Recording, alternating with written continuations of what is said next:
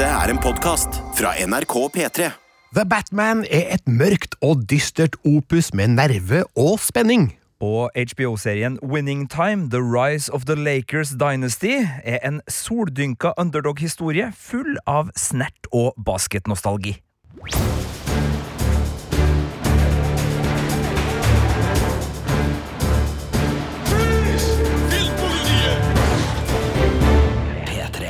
Her i studio sitter Birger Vestmo, Og Sigurd Vik? og vi har begge vært på kino denne uka, Sigurd. Ja, altså, eh, det var jo ikke noe tvil om at det var du som skulle anmelde den nye Batman-filmen, eh, men at jeg sneik meg med på pressevisninga, eh, ja, det gjorde jeg. Ja, det er riktig. Kan du love meg at vi to skal være enige nå fremover? Eh, Om den Batman-filmen, eller på, på alle områder? Nei, om Batman-filmen, altså, først og fremst. Klart det. Det er én fasit her, Birger. Det er din uh, fasit, så jeg skal bare krangle litt, eh, eventuelt uh, muligens, når vi nå skal diskutere den. Whoa, take it easy, sweetheart. Hear everything they say, ain't you? Maybe we're not so different.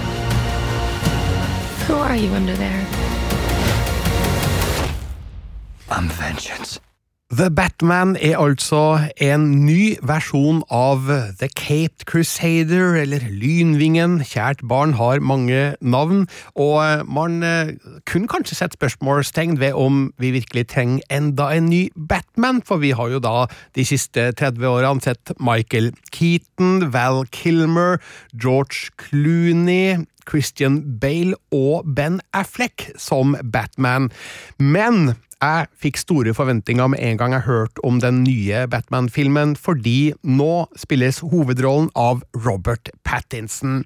Og han er det jo mange som har fått eh, stadig større sans for, og da snakker jeg ikke om hans rolle som Edward Cullen i Twilight-filmene. Eh, er det lov å le litt av Twilight-filmene nå i dag, syns du, Sigurd? Uh, altså, eh, Nå skal jeg være veldig forsiktig her, og, og vi har jo ikke Marte Hedenstad med oss i denne podkasten, som hadde vært bedre skikka til å svare på det spørsmålet. Vet du hva, Birger?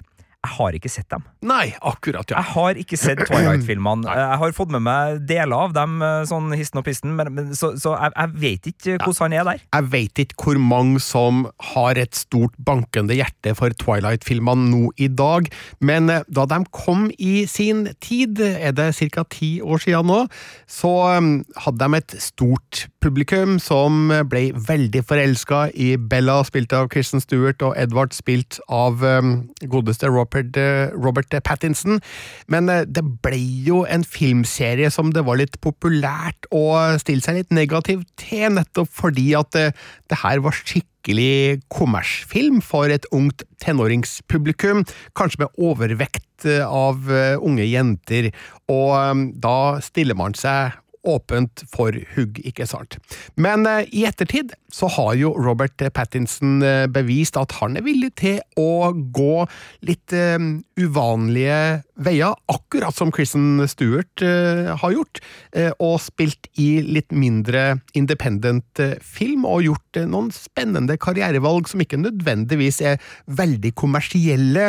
Og i Robert Pattinsons tilfelle så har han jo laga film med David Cronenberg, har han spilt jo i Good Time av eh, Saftig-brødrene, og eh, jeg ble jo skikkelig imponert over hans innsats mot William Dafoe i eh, The Lighthouse, som virkelig er en meget spesiell film. Så han kunne virkelig ha vært en god mann i Batman-rollen, tenkte jeg da dette prosjektet ble annonsert. Men det er jo ikke bare på grunn av Pattinson, det er også da regissøren, Matt Reeves. Han har jo laga mye god film, og da er det spesielt tre filmer jeg tenker på. Det er Cloverfield, som var hans gjennombrudd, og så var det da de to utrolig sterke oppfølgerfilmene Dawn of the Planet of the Apes og War for the Planet of the Apes, der Andy Serkis eh, spiller apekatt. Og det gjør han Altså, han spiller ikke apekatt i The Batman, men han spiller jo da Batmans eh, trofaste tjener Alfred, som jo også er en klassisk eh, filmrolle. Men jeg har da lest meg til at Matt Reeves skrev manuset til The Batman med Robert Pattinson i tankene. Samtidig som Robert Pattinson overfor sin agent ytra interesse om å spille Batman, men på det tidspunktet så visste ikke verken Pattinson eller Reeves om hverandres interesse. Så eh, det her var jo bare en sånn match made in heaven, åpenbart. Og når man ser filmen, så um, er jo Pattinson virkelig rett mann i denne rollen. For her går man mye mørkere og dystrere til verks enn det både Ben Affleck og Christian Bale gjorde i sine respektive eh, roller, og det til tross for at de var også ganske mørke. Men nå er vi så mørke og dystre at det virker som Matt Reeves virkelig har eh, lest eh, tegneseriene, spesielt Batman Year One og The Dark Knight, og har prøvd å lage en enda mørkere versjon av det her universet, som jeg syns kler figuren veldig godt. Eh, hva tenker du om det, Sigurd? Jo, jeg tenker også at det er en veldig gjennomført, både estetisk og rollefigurmessig og tonal uh, film. Og uh, i tillegg til de tegneserierøttene og uh, de grepene som er gjort rundt Batman-figuren, så er det jo også en film som, ja, for oss som har levd noen år på denne kloden, oser av 90-tallet, både i, på lydspill sporet i stemninga, og også filmreferanser. Så, så, det var jo en veldig sånn gjennomført superheltfilm vi fikk nå, som er vel så mye en sjangerfilm som kanskje heller mot noir og mafiafilm, og, og sånn skikkelig eh, David Fincher Seven-aktige krimlandskap, enn eh, popkorn-superheltmoro av uh, Avengers-sorten. Så, så, det er en uh, definitivt en, en, film som skiller seg ut, sjøl om det er ja, film nummer X da, av Batman de siste årene. Du nevnte lydsporet, og det er jo litt interessant, for der brukes eh, Nirvanas eh, låt 'Something In The Way' eh, faktisk to ganger. Og teksten til den, skrevet av Kurt Cobain, den har jeg da lest handler litt om han sjøl. At altså, hver gang han prøver å føle seg litt lykkelig og litt ovenpå, så kommer det noe i veien for denne lykken. og Litt av eh, det samme tankesettet har nok Robert Pattinsons eh, Bruce Wayne. Han blir jo skildra som en, eh, en mørk rockestjerne som sitter i sitt litt nedslitte slott og har egentlig et ganske mørkt syn på tilværelsen, og det er jo ikke rart, fordi, mm, som de fleste veit, opplevde Bruce Wayne en stor tragedie da han var liten gutt. Begge foreldrene ble skutt, han ble vitne til det, og mm, i denne filmen så ser vi jo virkelig hvordan det har satt spor i hans syke psyke, i en langt større grad enn kanskje Christian Bale og Ben Affleck eh, greid, og også Michael Keaton. Ja, Det er i hvert fall et godt stykke unna uh, pow, pang, po! Adam West, eh, Batman-tegn, eller altså TV-serien og, og, filmen da fra, fra 60-tallet, som ja. var atskillig mye mer lystig i tonen. Altså Her er det Ja, det er lite Uh, livsgnist, omtrent. Nei, altså, det, det, er jo ikke sånn, men altså, det er en ganske tungsindig og, og mørk Batman vi møter her, som uh, kaster inn i historier litt sånn in medias race. Altså, vi, vi, vi, får, vi skjønner veldig enkelt og fort at han har holdt på med Batman-livet sitt noen år og, og, er i gang med det, samtidig som velkjente rollefigurer vi kjenner fra andre filmatiseringer og fra, fra tegneserien, gjør at vi ikke bruke lang tid på å liksom skjønne sånn cirka hvor i Gotham vi befinner oss, og, og, hva som kanskje har skjedd allerede når det gjelder f.eks. vennskap med en viss politibetjent osv. Ja, eh, det er flere kjente figurer med i denne historien, og noen nye. og eh, Uten at vi skal spoile veldig mye av handlinga her, så eh, er det jo ingen hemmelighet at Riddler er i farta, og at det skjer noen mord på visse maktpersoner i Gotham City, der det etterlates spor som er adressert til Batman personlig, og det gjør jo at Bruce Wayne, skråstrek Batman, trekkes inn i det her, sammen med politiløytnanten Gordon, som da spilles av Jeffrey Wright, og det blir jo tydelig i filmen at eh, de to har et um, fortrolig forhold, som kanskje er det eneste fortrolige forholdet Batman har uh, i politistyrken, for det virker som resten av politifolka hater han. Ja, det er både i direkte sitater, eh, altså i replikkform, og i, i blikk ganske tydelig at uh, han er ansett som en vigilante, altså en um, borgervernsforkjemper av den voldelige sorten, som, som ikke har en plass i uh, hierarkiet. Og det kan man jo både tolke ut fra at uh, ja, hva det, den ene politibetjenten sier, freak, altså at det er fremmedfrykt, og at de ikke liker det de ikke skjønner. Men vi kan vel også kanskje tolke det litt sånn at uh, det er vel en relativt gjennomgående korrupsjon i denne Gotham by, og dermed så er jo Batman en trussel også fordi han ikke spiller etter korrupsjonens regler, ja. og at uh, de som da har fingrene i de rette folkene, ikke har fingrene i flaggermusa. Det er helt korrekt. Gotham City er en skitten by full av korrupsjon og lovløshet, og jeg syns jo byen tar seg veldig flott ut i uh, Cinemascope, og um, det overrasker meg jo at uh, filmen er faktisk innspilt i England. Gotham City har jo pleid å ha litt sånn New York slash Chicago-preg, og det har den jo nå også, men store deler av filmen er jo da innspilt i Livestand Studios rett utenfor London, og i Liverpool, og det er også spilt inn noen scener i Skottland, så hele produksjonen har foregått da på de britiske øyer, litt sånn av og på under pandemien. De måtte jo ha et avbrekk eh, underveis her, faktisk to avbrekk underveis, så det at de likevel har greid å produsere en helhetlig film, det er jo godt gjort. Jeg leste at uh, deres uh, dialektcoach, jeg vet ikke hva det heter på, på norsk, uh, faktisk, språktrener. språktrener, faktisk døde av covid-19 under produksjonen, noe som satte en støkk i flere av de involverte, men de har altså da greid å komme i land, virkelig, da, med The Batman. Og i denne byen så møter Bruce Wayne slash Batman på flere suspekte figurer, og en av de er jo Penguin, som vi husker godt fra Batman Returns, den gang spilt av Danny DeVito. Nå er han spilt av altså Hvis du ikke veit det, så er det helt umulig å se at uh, han spilles av Colin Farrell. Altså, det, det, det Sjøl om du vet det, ja. nesten. Uh, altså, det, det, er en transformasjon der som er uh, betraktelig i ja. måten ansiktsproteser har blitt lagt i det ansiktet. Ja. Jeg, jeg, kjenner den ikke igjen, Birgit. Det må jeg innrømme. Pluss fatsuit. Og jeg tror at um, spesielt Colin Farrell har hatt god bruk for en dialect coach. Riktignok ikke den avdøde, men en kvinnelig sådan. Så et intervju der han forklarte litt av prosessen de hadde med å finne ut av hvilket språk eh, penguin, penguin egentlig snakker. Da. Men eh, han er jo en av de mest minneverdige figurene, og eh, deltar blant annet i en helt vanvittig biljakt, som kanskje er et av filmens store visuelle høydepunkter. Eh, men eh, de møtes da først på en nattklubb, som vi forstår kanskje er tilholdssted for en del eh, ja, lyssky personligheter. Både fra forbryternivå og også opp i maktens tinder. Og der møter Batman også Selina Kyle, som jobber der. Hun spilles da av Zoe Kravitz, som jo virkelig er aktuell for tida, også i filmen Kimi på Apple TV pluss datter av Lenny Kravitz, for de som husker han.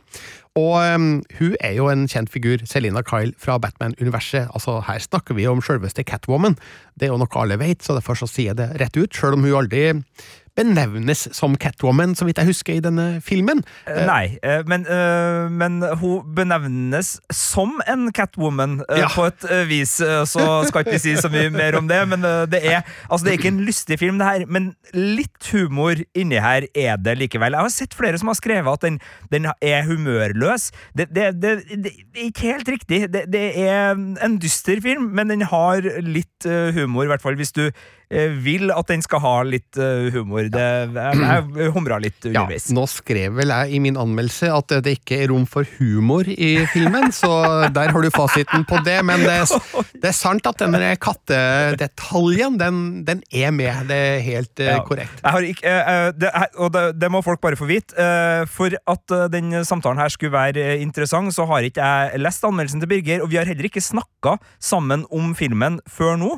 Eh, så, så det her er vårt, eh, vår første samtale, og beklager da at den starta med en eh, fornærmelse. Det var ikke meninga det, Brygger. Men jeg er nysgjerrig, fordi du er en uh, kinomann som er veldig glad i actionfilmer, superheltfilmer, biljakt, som du nevnte her. Jeg bare lurer på, Hvordan var det for deg når du satte deg ned og så ja, den er jo lang, tre timer med den her Batman? Altså, Hvordan inntrykk gjorde det på deg, og, og hva var liksom den umiddelbare, nesten sånn kroppslige responsen på å oppleve et såpass uh, voldsomt øh, kinoverk? Ja, et, en kroppslig respons. Jeg vet ikke om jeg fikk Nei, jeg vet ikke hva det innebærer, men, men- ja. men uansett, jeg ble dypt imponert over det gjennomførte stilistiske formspråket. Altså, Vi ser jo da en fargepalett som er dominert av rødt, svart og oransje, og um, det er vanvittig lekkert filma, spesielt i alle scenene eh, i regnvær om natta, som vel er 95% av filmen, eh, tror jeg. Eh, Greg Frazier er jo mannen bak kameraet her, og han filma også Dune, så han har virkelig hatt året sitt, for å si det sånn. Og eh, det tar seg vanvittig lekkert ut i en mye mørkere tapning enn vi har sett Batman i tidligere, og som jeg, som jeg sa, det kler figuren, det kler universet, og um, jeg syns også det passer veldig godt eh, til det tematiske her, som jo er mørkt og dystert så det heller. Du nevnte Seven, og det er jo også en mørk, dyster film som foregår eh, mye i, i regnvær, og ja, jeg tenkte ikke spesielt over det faktisk mens jeg så filmen, men jeg har jo da fått det med meg etterpå, at mange har sammenligna The Batman med Seven, i eh, måten den eh, ruller opp eh, denne mordgåten på spesielt, og det kan jeg skjønne. Det er kanskje litt for lenge siden jeg har sett Seven, faktisk, til at jeg kunne dra den sammenligninga sjøl. Men jeg syns jo virkelig at vi blir ført inn i et særegent univers. Greit, det er ikke sånn kjempeoriginalt, kanskje, det her, men det er utrolig vakkert gjort. gjort. Styggvakkert gjort, kan vi si, da.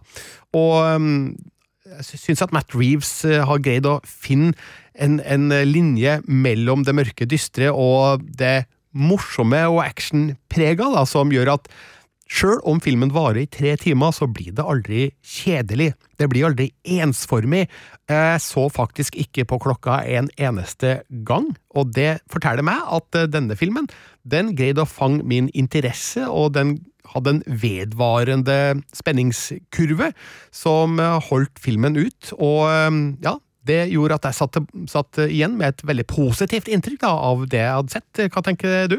Jo, jeg uh, syns det her var en, en god film. Jeg skal være ærlig på at jeg syns nok uh, Nolan sin Batman-trilogi er bedre. Uh, men det betyr ikke at den her ikke er nesten like god. Og, og da snakker vi om filmer jeg virkelig elsker, så det her er ikke noe, noe for å, å uh, slå uh, den her Pattinson-Batman uh, med, med noe pinne. Men i og med at den legger seg opp til, til til filmer som uh, Seven og, og lefle med en ganske sånn dyster krimtematikk, så legger jeg jo også litt merke til, og det her er det lille jeg har å utsette, da, er at den er jo ikke på det nivået når det gjelder verken slagkraft og, og brodd eller originalitet.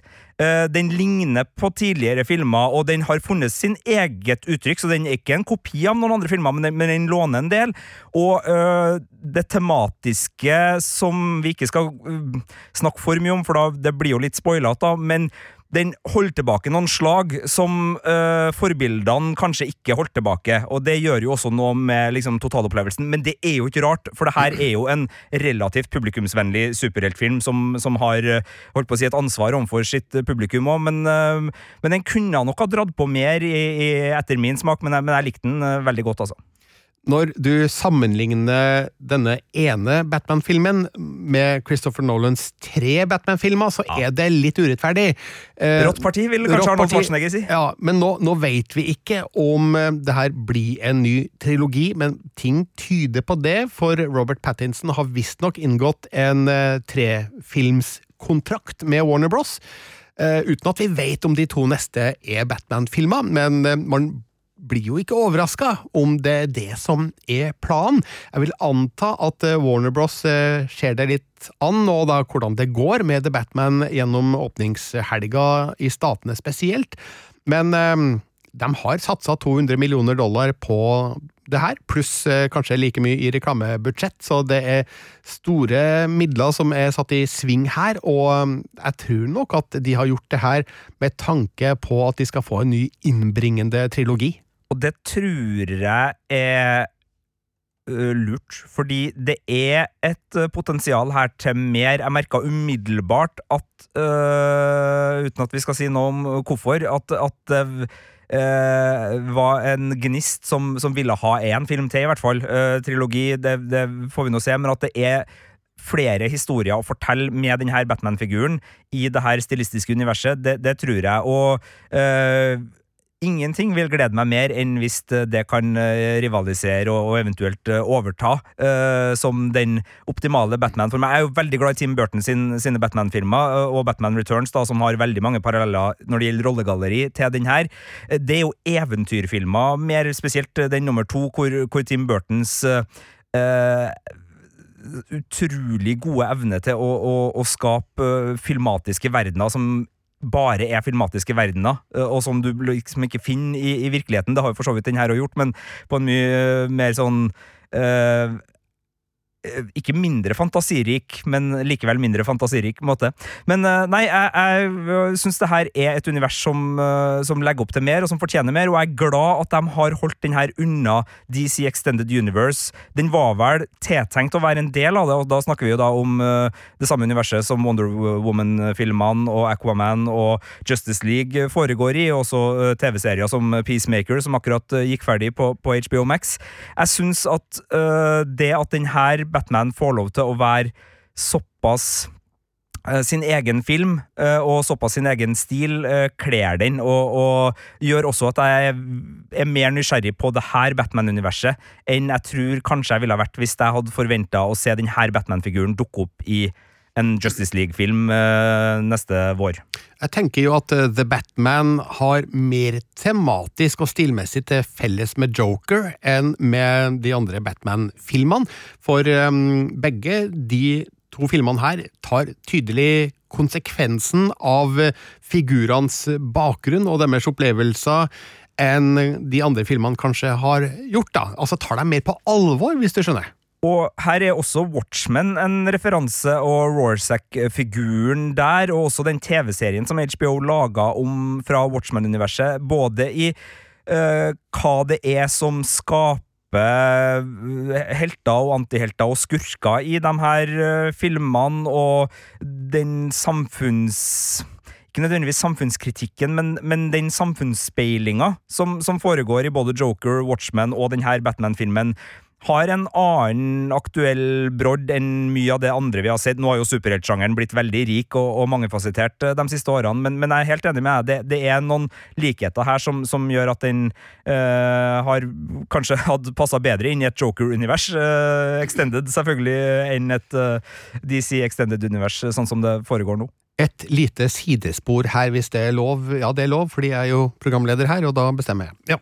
Eh, altså, vi har snakka om Tim Burtons Batman-filmer og Christopher Nolans Batman-filmer. Vi har eh, vært innom Ben Affleck, eh, som også har spilt Batman. Er det lov å si at også Joel Schumachers Batman Forever og Batman and Robin har sin eh, rettmessige plass her, og faktisk er underholdende filmer? Selvfølgelig. Og ja. jeg husker at jeg ikke var så fan av dem da de kom. Da var jo jeg en ung kinogjenger, men jeg har sett dem igjen, og der er det jo mer uh, popkornfjas enn uh, i mange av de andre. Definitivt. Mr. Freeze spesielt. Uh, Arnold Schwarzeneggers uh, rollefigur der. Ice to see you. Altså, Det fins noen sånne compilation-videoer på YouTube der alle ordspillene til, til Mr. Freeze er, kommer på rekke og rad, og det, det er mange av dem.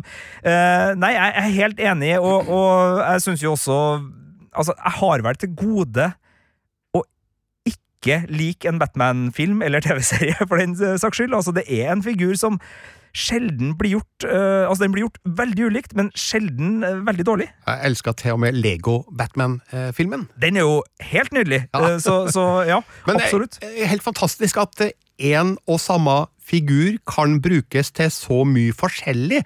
Alt ifra tegnefilm til klovnekomedie omtrent, til virkelig dyp dysterhet i The Batman. Og The Batman Returns er jo en julefilm for dem som eh, vil ha litt alternative julefilmer å kose seg med. Der er det noe magiske Tim Burtons eh, vinterlandskap som er godt egnet til å spre juleglede i desember måned, så et ekstra tips der. Jeg har et lite spørsmål angående soundtracket, Birger. Vi har snakka om den Nirvana-låta som eh, kommer og går litt, og det er jo også et tema som ligger opp mot tonaliteten i den låta. Ja. Noe som gjør at i én scene og jeg tror, hvis jeg husker riktig, at det var på tampen av nevnte biljaktscene, hvor det er en ganske fantastisk eh, fin eh, visualisering av uh, tittelfiguren. Da hørtes det nesten ut som om denne uh, scoren tok form som et tema vi kjenner fra Star Wars, og som er tilknytta Darth Vader. Fordi i den der Uh, do, do something in the way do.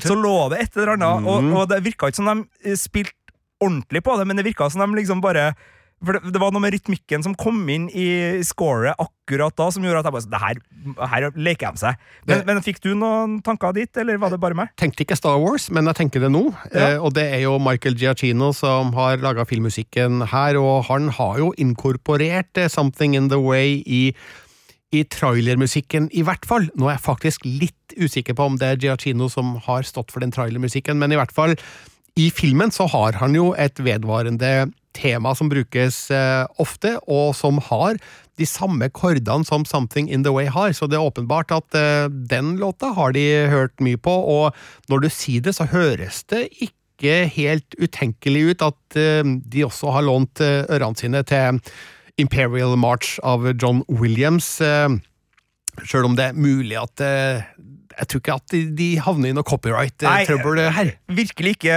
Overskrifta skal ikke være 'Filmpolitiet anklager den nye Batman-filmen for plagiat av eh, Star Wars-musikk'. Det, det var det ikke. Nei da, jeg fikk bare en sånn liten sånn Åh!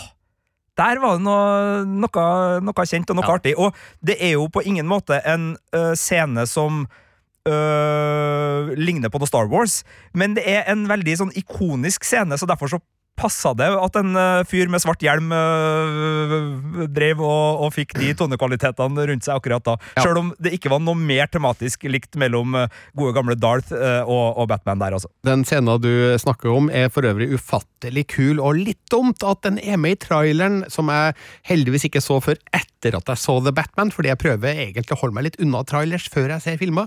Det er jo sånn at Hollywood-reklamemaskineriet de putter inn uh, all the good stuff i en eh, trailer, for å liksom virkelig deg inn i kinosalen.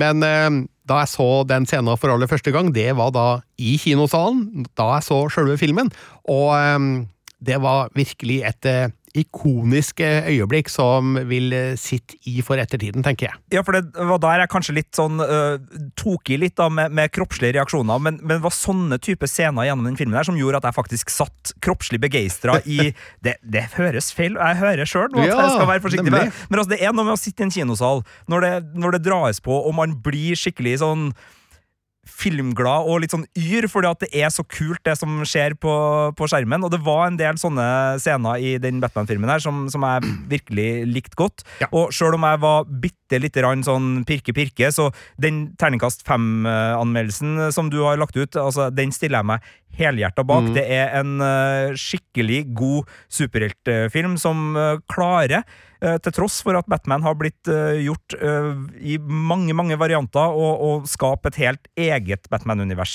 syns jeg. Ja, den har sin særegenhet som gjør at den eh, skiller seg fra de foregående versjonene av Batman, og gjør at jeg tenker ja, men det her kan de virkelig eh, lage et par filmer til med, for um, her brukes Gotham City og figurene i denne byen på en uh, måte som virker litt, eh, om ikke nyskapende, så i hvert fall frisk da i forhold til de versjonene vi har sett eh, de foregående 20-30 åra. Ja, og så må jeg bare spørre deg, for jeg satt også med en følelse av at det var den minst superheltaktige Batman-filmen kanskje jeg har Ja. sett, og at det var en film som torsa å egentlig bare gjøre Batman til en fyr som selvfølgelig har masse gadgets og, og er skikkelig, skikkelig sterk, men også en uh, relativt sånn nærme vanlige menneskelige styrker, og, og også da uh, litt sånn uh, ja, visst no, noen sårheter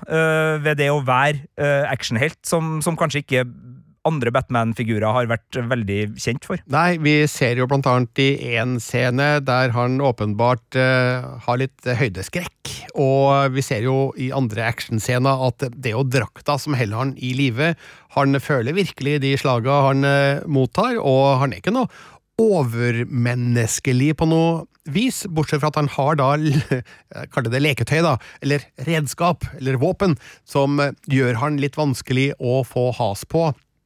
Eh, Men samtidig så føler jeg jo at det er når eh, Robert Pattinson spiller Bruce Wayne, at han virkelig peker seg ut eh, fra de andre Bruce Wayneene vi har sett. Som Batman i drakta, så er han egentlig til forveksling lik Christian Bale, tenker jeg, bare med litt spissere ører på ja, Er det hjelmen sin? Eller Nei, det er ikke hjelm han har, det er en sånn hodemaske. Jeg tenkte på det han tumla rundt der. Det må jo være en hjelm. Altså, øh, Nå har jeg hatt min del av hjernerystelser opp igjennom. Jeg tenker det er uforsvarlig å, å ikke gjøre den øh, hetta om til en, øh, en godt polstra hjelm i, i samme slengen. Han har øh, både pengene og teknologien til å få det til, tenker jeg. Og så må jeg si jeg virkelig digga den eh, nye Batmobilen, som vel er basert på noe amerikansk muskelbil fra 1970-tallet, og visstnok noe som eh, Batman har eh, brukt i en gammel tegneserie, i hvert fall. Eh, Den eh, skilte seg kraftig fra Christian Bales Batmobil, i hvert fall, eh, og også Ben Afflecks, så dette var en kul nyvinning i dette universet, som eh, har mye mørkt og herlig å by på. Og nå har vi nevnt eh, Robert Pattinson, han er strålende, men eh, jeg kan også nevne at eh, andre roller spilles av store navn som John Turturro, Paul Dano, Peter Sarsgaard, Andy Serkis, han har vi allerede nevnt, ja. Barry Keegan, Zoe Kravitz har vi nevnt. Eneste jeg kan kanskje utsette på det her, at det er veldig mannetungt. Det er, det er ikke så veldig mange damer med her. Nei. Uh, det er Zoe Kravitz sin uh, Ja, vi, vi får kalle henne Catwoman øh, her i, i, i denne podkasten nå, som, som er den markante rollefiguren, så vidt jeg kommer på, så er det ikke noen flere Jo, det er noen sentrale figurer, men de får ikke uh, nok på en måte skjermtid til å bli øh, rollefigurer som gjør seg bemerka gjennom det de gjør på skjermen. De er viktige rollefigurer, men de øh, beveger seg litt i ytterkanten av den sentrale handlinga. Ja, det er riktig, en ordførerkandidat eh, blant annet, men eh, her eh, ser vi nok et resultat av at eh, råmaterialet som The Batman eh, er basert på, er også ganske mannetungt, så det er vel en konsekvens av det, da. Men eh, ja, forhåpentligvis så vil det komme flere kvinner med da i den neste Batman-filmen, om det blir en Batman-film til. Ja, kan vel også uh, si at kvinnesynene i flere av de kretsene Batman-filmen foregår i, ikke er særlig godt. Uh, så det kan jo også ha noe å si. Det er helt korrekt. Kom deg på kino, se The Batman. Det er virkelig en film som hører hjem i de store kinosalene med de breieste lerretene og det største lydanlegget, for eh, her er det full trøkk både på det visuelle og på det lydmessige. Og eh, ja, jeg har sagt at den er tre timer lang. Det føltes ikke fryktelig langt ut. Nei, øh, og nå har jo ikke tre timer Altså, det er ikke en lang kinofilm lenger. Nei. Det var det før. Ja. Da var tre timer en veldig lang kinofilm. Ja. Nå er det jo øh, en sånn øh, relativt vanlig lengde på de store blockbuster-filmene. Selv om de gjerne kanskje tikker inn nærmere to og en halv enn tre, så, så har liksom det der blitt en nesten forventa spilletid øh, Litt i overkant her, da, men, men sånn cirka forventa spilletid på en så stor film. Ja, Matt Reeves hadde visstnok en testversjon som var fire timer lang, men den skulle aldri være så lang. Men tre timer, ja, det er et, eh, det er et stykke å sitte i kinosalen. Jeg skal innrømme, da, du har jo øh, lagt fram nå at du ikke merka det i hele tatt. Jeg kjente en liten knekk etter to timer. Da var jeg bortpå klokka. Ikke for å liksom øh, tenke at øh, nå kjeder jeg meg, men jeg var bare nysgjerrig. Sånn, hvor sånn cirka lang tid er det igjen her nå? For jeg, da var historia på et sånt sted hvor jeg liksom lurte på Er vi liksom i ferd med å gå på siste akt, eller er vi i ferd med å gå på tredje siste akt? Så så det, det, jeg merka det bitte lite grann. Jeg skal ikke skryte på meg mer enn det, men hadde heldigvis planlagt både toalettbesøk og, og kaffe og annet inntak godt, så jeg, jeg storkoser meg. Ja, ikke ta med den største brusboksen inn i kinosalen, men gå på do før du går inn, og ha med deg nistepakke. Det kan du jo gjøre. Og så får du en fabelaktig filmopplevelse med The Batman. En sterk, sterk femmer på terningen, og da sier vi farvel til Bruce Wayne og Batman, og skal over til noen andre helter, Sigurd? Ja, altså hvis du har sett uh, Michael Jordan, Den siste dansen, uh, på Netflix, likt filmen Moneyball med Brad Pitt, som handla om uh, hvordan man kan bruke statistikk i idrett, og kanskje til og med kosa deg med Will Ferrells Semi-Pro, den her 70-tallselskende basketkomedien, ja, du hold øynene ut for HBOs nye sportsdrama Winning Time, The Rise of the Lakers Dynasty. Los Angeles Lakers select Magic Johnson. Us together, Magic and Kareem. Oh, uh, Kareem and Magic. It's all in the air. Every team's got fans. We'll have celebrities. Our girls, they won't cheer. They'll dance. Leave the dynasties to me. Yo, what's up, Larry? Come on, Red. You're afraid of competition? No, but you're no competitor. From here on out, we are playing to win. Ja, De tre referansene du kom med før lydklippet, der sier jeg jo bare ja, ja og ja, sjøl om jeg er jo egentlig ikke så interessert i amerikansk basket. Nei, eh, jeg skal heller ikke påberope meg å være eh, storfan der. Jeg merka jo da jeg så denne dokumentarserien som ligger på Netflix om eh, Michael Jordan, at det er fascinerende å minnes da 90-tallet, som den tar for seg, og Chicago Bulls sin dominerende posisjon i NBA.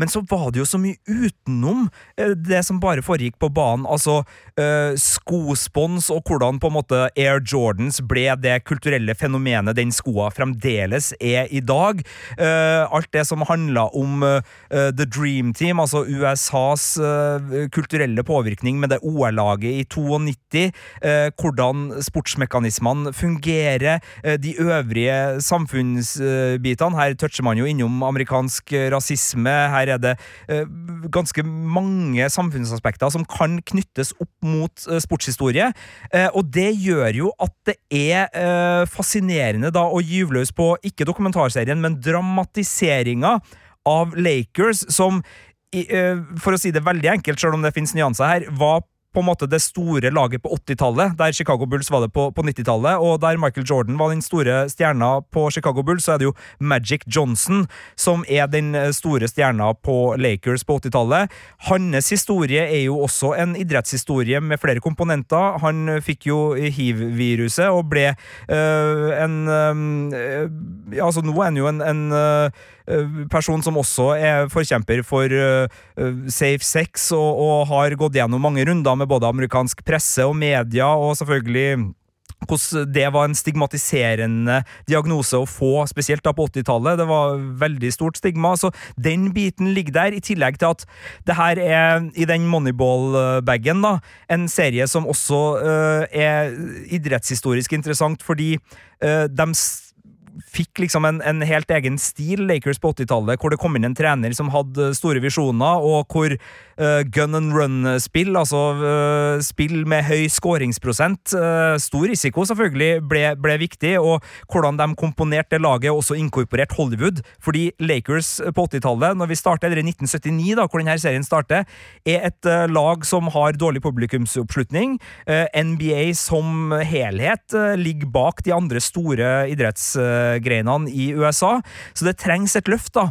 Og ved å gjøre en del veldig smarte grep, så klarer da uh, Dr. Buss, som da er eieren av LA Lakers, som vi da møter, uh, spilt av John C. Riley, uh, når han kjøper det her laget, og, og, og, han klarer da å gjøre en del grep som løfter og, og skape en del nye underholdningsgrep, blant annet det å få Jack Nicholson og andre Hollywood-kjendiser ikke på første rad, men helt ned på banen, i stoler, sånn at du fikk ei ny første rad Paula Abdul var den første koreografen for Lakers Girls, som da var ikke en vanlig heiagjeng, men dansere med koreograferte opptredener før hver kamp, som liksom brakte et, et nytt element til basketopplevelsen, og også sørga for at stadion som LA Lakers spilte på, ble en uh, institusjon i underholdningslivet i Los Angeles på 80-tallet, som brakte publikum og, og oppmerksomhet og, og ja, skapt rett og slett uh, popkulturell historie der. Så det, er veldig mange ting som, som ligger i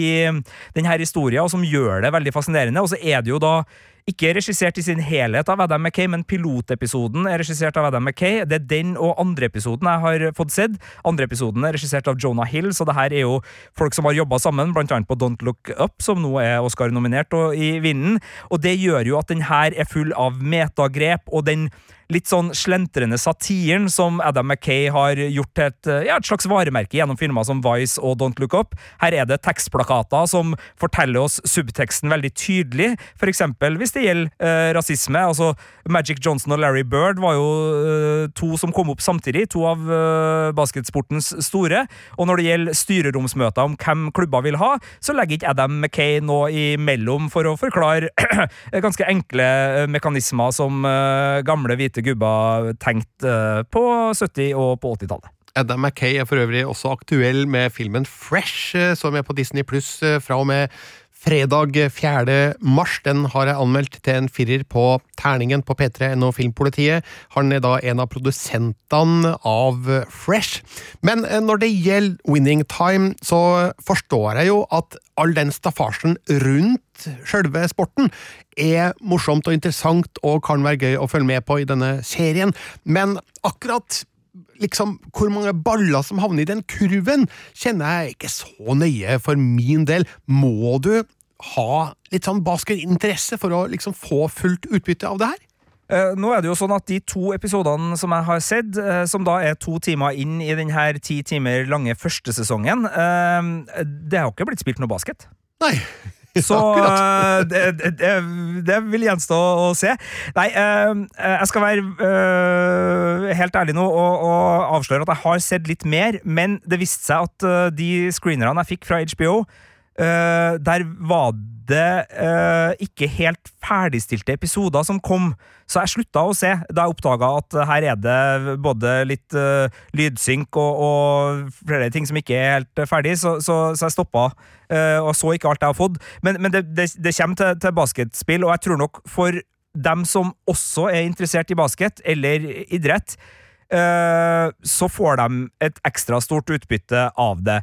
Men det er laga med øh, dramaseriens komponenter, sånn at hvem Magic Johnson var, hans øh, familieliv, øh, foreldrene, hans oppvekst i Michigan Det er dramaseriemat øh, som framføres på en måte som ikke fordrer at du trenger å, å bry deg så veldig mye om øh, det blir tråkk eller om det blir poeng. men, men du, du, vil få maks ut av det. og jeg, jeg skal være ærlig, jeg, jeg, liker det her veldig godt, men jeg frykter at jeg kanskje er litt blenda av min egen smak her, og at jeg kanskje ikke helt ser uh, fallgruvene. For det er klart, det er et anslag her som tar oss med til 90-tallet, hvor vi møter Magic Johnson uh, i første scene på legekontoret. Og det, det, er på en måte ramma som settes. Og så hopper vi tilbake til 1979, og det er ikke noe tegn på at vi forlater 1979 i starten av sesongen, så det er tydelig at det her er tenkt å være over flere sesonger hvis de får pengene til det. Det ser i hvert fall veldig sånn ut. Og eh, jeg tenkte på en serie som het Vinyl, som handla om platebransjen på 70-tallet, som også var en stor HBO-produksjon som kom for en fire-fem år siden. Den òg var veldig god på stil, veldig god på tidskoloritt, hadde noen nydelige rollefigurer og var skikkelig kul å se på men den ble kansellert, og det var vel litt fordi A. Den hadde kanskje mer stil, eller så mye stil at den glemte å fortelle den gode historien. Og B. Det ble for smalt. Det var dritkult for dem som elska uh, gammel rock'n'roll og platebransjen på 70-tallet, men de klarte ikke det eksempel Mad Men klarte, å ta reklamebransjen på 60-tallet og skape så interessante rollefigurer at du bare måtte se serien. Uh, der skippa kanskje vinyl noen elementære uh, kvaliteter som, som, må være på plass. Og jeg er spent da om denne serien har nok av det som kreves som godt drama, til å være en serie som ikke blir kansellert, og som har nok uh, publikum til å få lov til å fortelle hele historien sånn som det virker som de har lagt opp ut fra piloten. Og det her må sies at jeg vet virkelig ikke hvor mange sesonger de har planlagt. Jeg bare det bare ser ut som om at det her skal bli en større serie, og ikke bare handle om den her første sesongen, hvor de selvfølgelig er de store underdogene og klarer å, å snu det. Beklager at jeg spoiler litt her nå, men, men eh, sånn er det med historisk virkelighet. Ja. Magic Johnson er jo altså da en sentral figur i eh, serien. Winning Time han er jo en eh, kjent figur som mange har et forhold til, og han spilles her av Quincy Isaiah, som er da har forstått faktisk debutere som skuespiller her. Bortsett fra en kort filmrolle i 2018, så er det her det første store han gjør. Og ja, der er det jo en del fallgruber å gå i. Hvordan syns du Quincy Isaiah greier seg som Magic Johnson? Vet du hva? uh, han er umiddelbart karismatisk og fengende, og han uh, har ingen startproblemer i piloten og i oppfølgerepisoden som en så sentral rollefigur som Magic Johnson. Eh, det skal sies at eh, det her ikke er en serie som har eh, velsignelsen, og det er ikke noe produsentnavn på, på denne filmen, nei, serien som tilsier at de verken NBA eller de involverte personene har på en måte ønska det her, og det kan også være litt av årsaken til at her er det personlighetstrekk og, og karaktertrekk som, som ikke bare er god på, på alle figurene. Eh, det er ikke sånn at de er slemme, men eh, ja, han har en han har en seksuell appetitt, denne Magic Johnson, som er relativt ja, eh, stor, eh, sånn som den skildres i, i serien. Og, og, det er klart, eh, gammel gris-faktoren er veldig høy eh, også for andre involverte i det her sent 70-talls Los Angeles, hvor eh, det faktisk starter på Playboy-villaen til Hugh Hefner. For disse idrettseierne, ja, det er mye kamming opp av brysthår, hentesveis, pilotbriller, whisky i glasset og et grisete blikk som leter etter unge pupper blant den mannlige garden her. Så, så, det er klart, det er en del av miljøskildringa, og, og, det må være med, men uh, ja, nei, den, den, kan bli litt tung på syltelabben innimellom denne Adam Mackay-serien. Men tilbake til, til Magic. Altså, det er en uh, debutrolle, hvis det er det, da, eller en nesten debutrolle, som uh, virkelig um, svinger. Og sammen med John C. Riley, som også er bortimot optimal i rollen som Dr. Buss, den her eksentriske eiendoms eh, mogulen, som også har en doktorgrad i eh, fysikalsk kjemi, og som da ender opp eh, som eh, eh, kvinnejagende midtlivskrise, basketballag-eiende fyr i, i, Los Angeles. Det, det, er en veldig god duo å ha i front. Og så er det jo et rollegalleri som også ellers er, er fullt av kjente navn, og, og sterke navn. Eh, Altså Sally Field, eh, kjent blant annet fra Smokey and the Bandit-filmene, for dem som eh, ønsker å, å huske gode bilfilmer. Mora til Forest Gump, tenk, tenker vi. Du tenker det, ja. ja. Ok, ikke Smokey and the Bandit-referanser i ja, Nei, det, du vet det var filmen som kun ble slått av Star Wars på kino i USA i 1977, Birger? Hvor gammel er du, Sigurd? Jeg er ikke så gammel at jeg var i live i 1977. Altså, til, og med, men, til og med Forest Gump er jo steinalderreferanse. Ja, det, det, er sant, det. Men uh, uh, Sally Field er, er med her, og det er også også Jason Clark, som spiller treneren Jerry West, et, et kjent og, godt ansikt. G uh, Gabby Hoffman, eh, ypperlig skuespillerinne, kjent fra annet Transparent og, og Girls, spiller Claire, uh, Claire, Rothman, som var stadioneieren og var veldig delaktig i hvordan de på en måte skulle få publikum til å, å dukke opp igjen. Uh, det er jo også veldig kjente navn som Adrian Brody, som dukker opp uh, litt senere utover i sesongen. Og så er det jo en person som jeg syns er Altså, jeg glisa så bredt da han dukka opp, fordi i uh, det her eh, Lakers skal bli det nye storlaget, så er det jo selvfølgelig allerede et uh, storlag. Det er Bolton Celtics uh, som da har Larry Bird, og som er liksom dem som man må slå. Og eieren der han er en gammel kjenning som spilles av Michael Shiklis. Og med en gang han dukker opp som sigarrøykende eier av den ekstremt heslige sorten, da gliser jeg bredt. Altså, Jeg husker jo han fra barndommen, fra eh, krimserien Skali. Jeg vet ikke om du husker den salamispisende politietterforskeren, Birger? Jeg så aldri den serien, men jeg vet jo godt at Michael Chiklis er kjent for den. Han er det, og han har jo gjort veldig mye bra på TV siden det også. Han er en sånn skuespiller som løfter det her, og som gjør at rollegalleriet blir en del av gleden. Og nå har jeg sagt mye positivt. Jeg har vel kanskje glemt kanskje det viktigste, at tidskoloritten, den soldynka, deilige California-koloritten fra sen 70, tidlig 80, gjør jo at det her er et utrolig fint sted å være, og Adam McKay sine regigrep, som da blir videreført, i hvert fall av Jonah Hill, med å, uh, at folk snakker til kameraet, at det kommer tekstplakater som forteller oss mer om rollefigurene vi møter. Uh, blant annet så møter vi en uh, riking som heter Donald, og da kommer det opp en tekstplakat 'The second worst Donald of this era', med en relativt tydelig referanse til, til Donald Trump. Så, så, det er sånne småstikk som, som sørger for at det er sort humor og humør som går gjennom det. Jeg er litt spent på, på handlingstempoet, for selv om klipprytmen, soundtracket og alt det der sørger for at tempoet er høyt, så går det ganske seigt. Altså, vi har som sagt ikke kommet til en eneste basketkamp eh, etter to timer. Eh, så det er det jeg er litt sånn spent på utover sesongen, men oppstarten, i hvert fall, med de to første episodene, er en klar anbefaling til alle som eh, er glad i velprodusert pokedrama med humør og snert, og som, ja, jeg gjentar, hvis du elsker Moneyball, digga dokuserien om Michael Jordan, som ligger på Netflix og heter Den siste dansen, eller Semi-Pro med Will Ferrell i hovedrollen som uh, afrofunky basketballageier, så er det veldig mye i uh, Winning Time som kommer til å svinge for deg. Og så kan det jo nevnes at det her nok også en serie som var med å gjøre vennskapet mellom Adam Mackay og Will Ferrell litt vanskelig. Nå er vi over i ryktespalten her i Filmpolitiets eh, podkast, for det var da Will Ferrell som egentlig var casta i hovedrollen som Dr. Buss, og så tok Adam Mackay og recasta og ga det til deres begges eh, felles samarbeidspartner John C. Riley i stedet for, noe som visstnok skal ha falt eh, Will Ferrell litt uh, tungt for brystet. Men jeg må si John C. Riley virker å være ganske perfekt til denne lett humoristiske, men likevel såre eh, rollefiguren. Da er det bare å glede seg til å se mer av Winning Time, The Rise of the Lakers Dynasty på HBO Max. Denne podkasten er ferdig. Må nesten bare si at Den har ikke premiere før på mandag den 7. mars, da, så det er litt tid igjen å vente, men eh, det er ikke lenge igjen å vente. Da prøver jeg igjen. Denne podkasten er ferdig. Ja, men det var bra innspill, Sigurd. Det var ja, det, veldig nyttig. Folkeopplysning.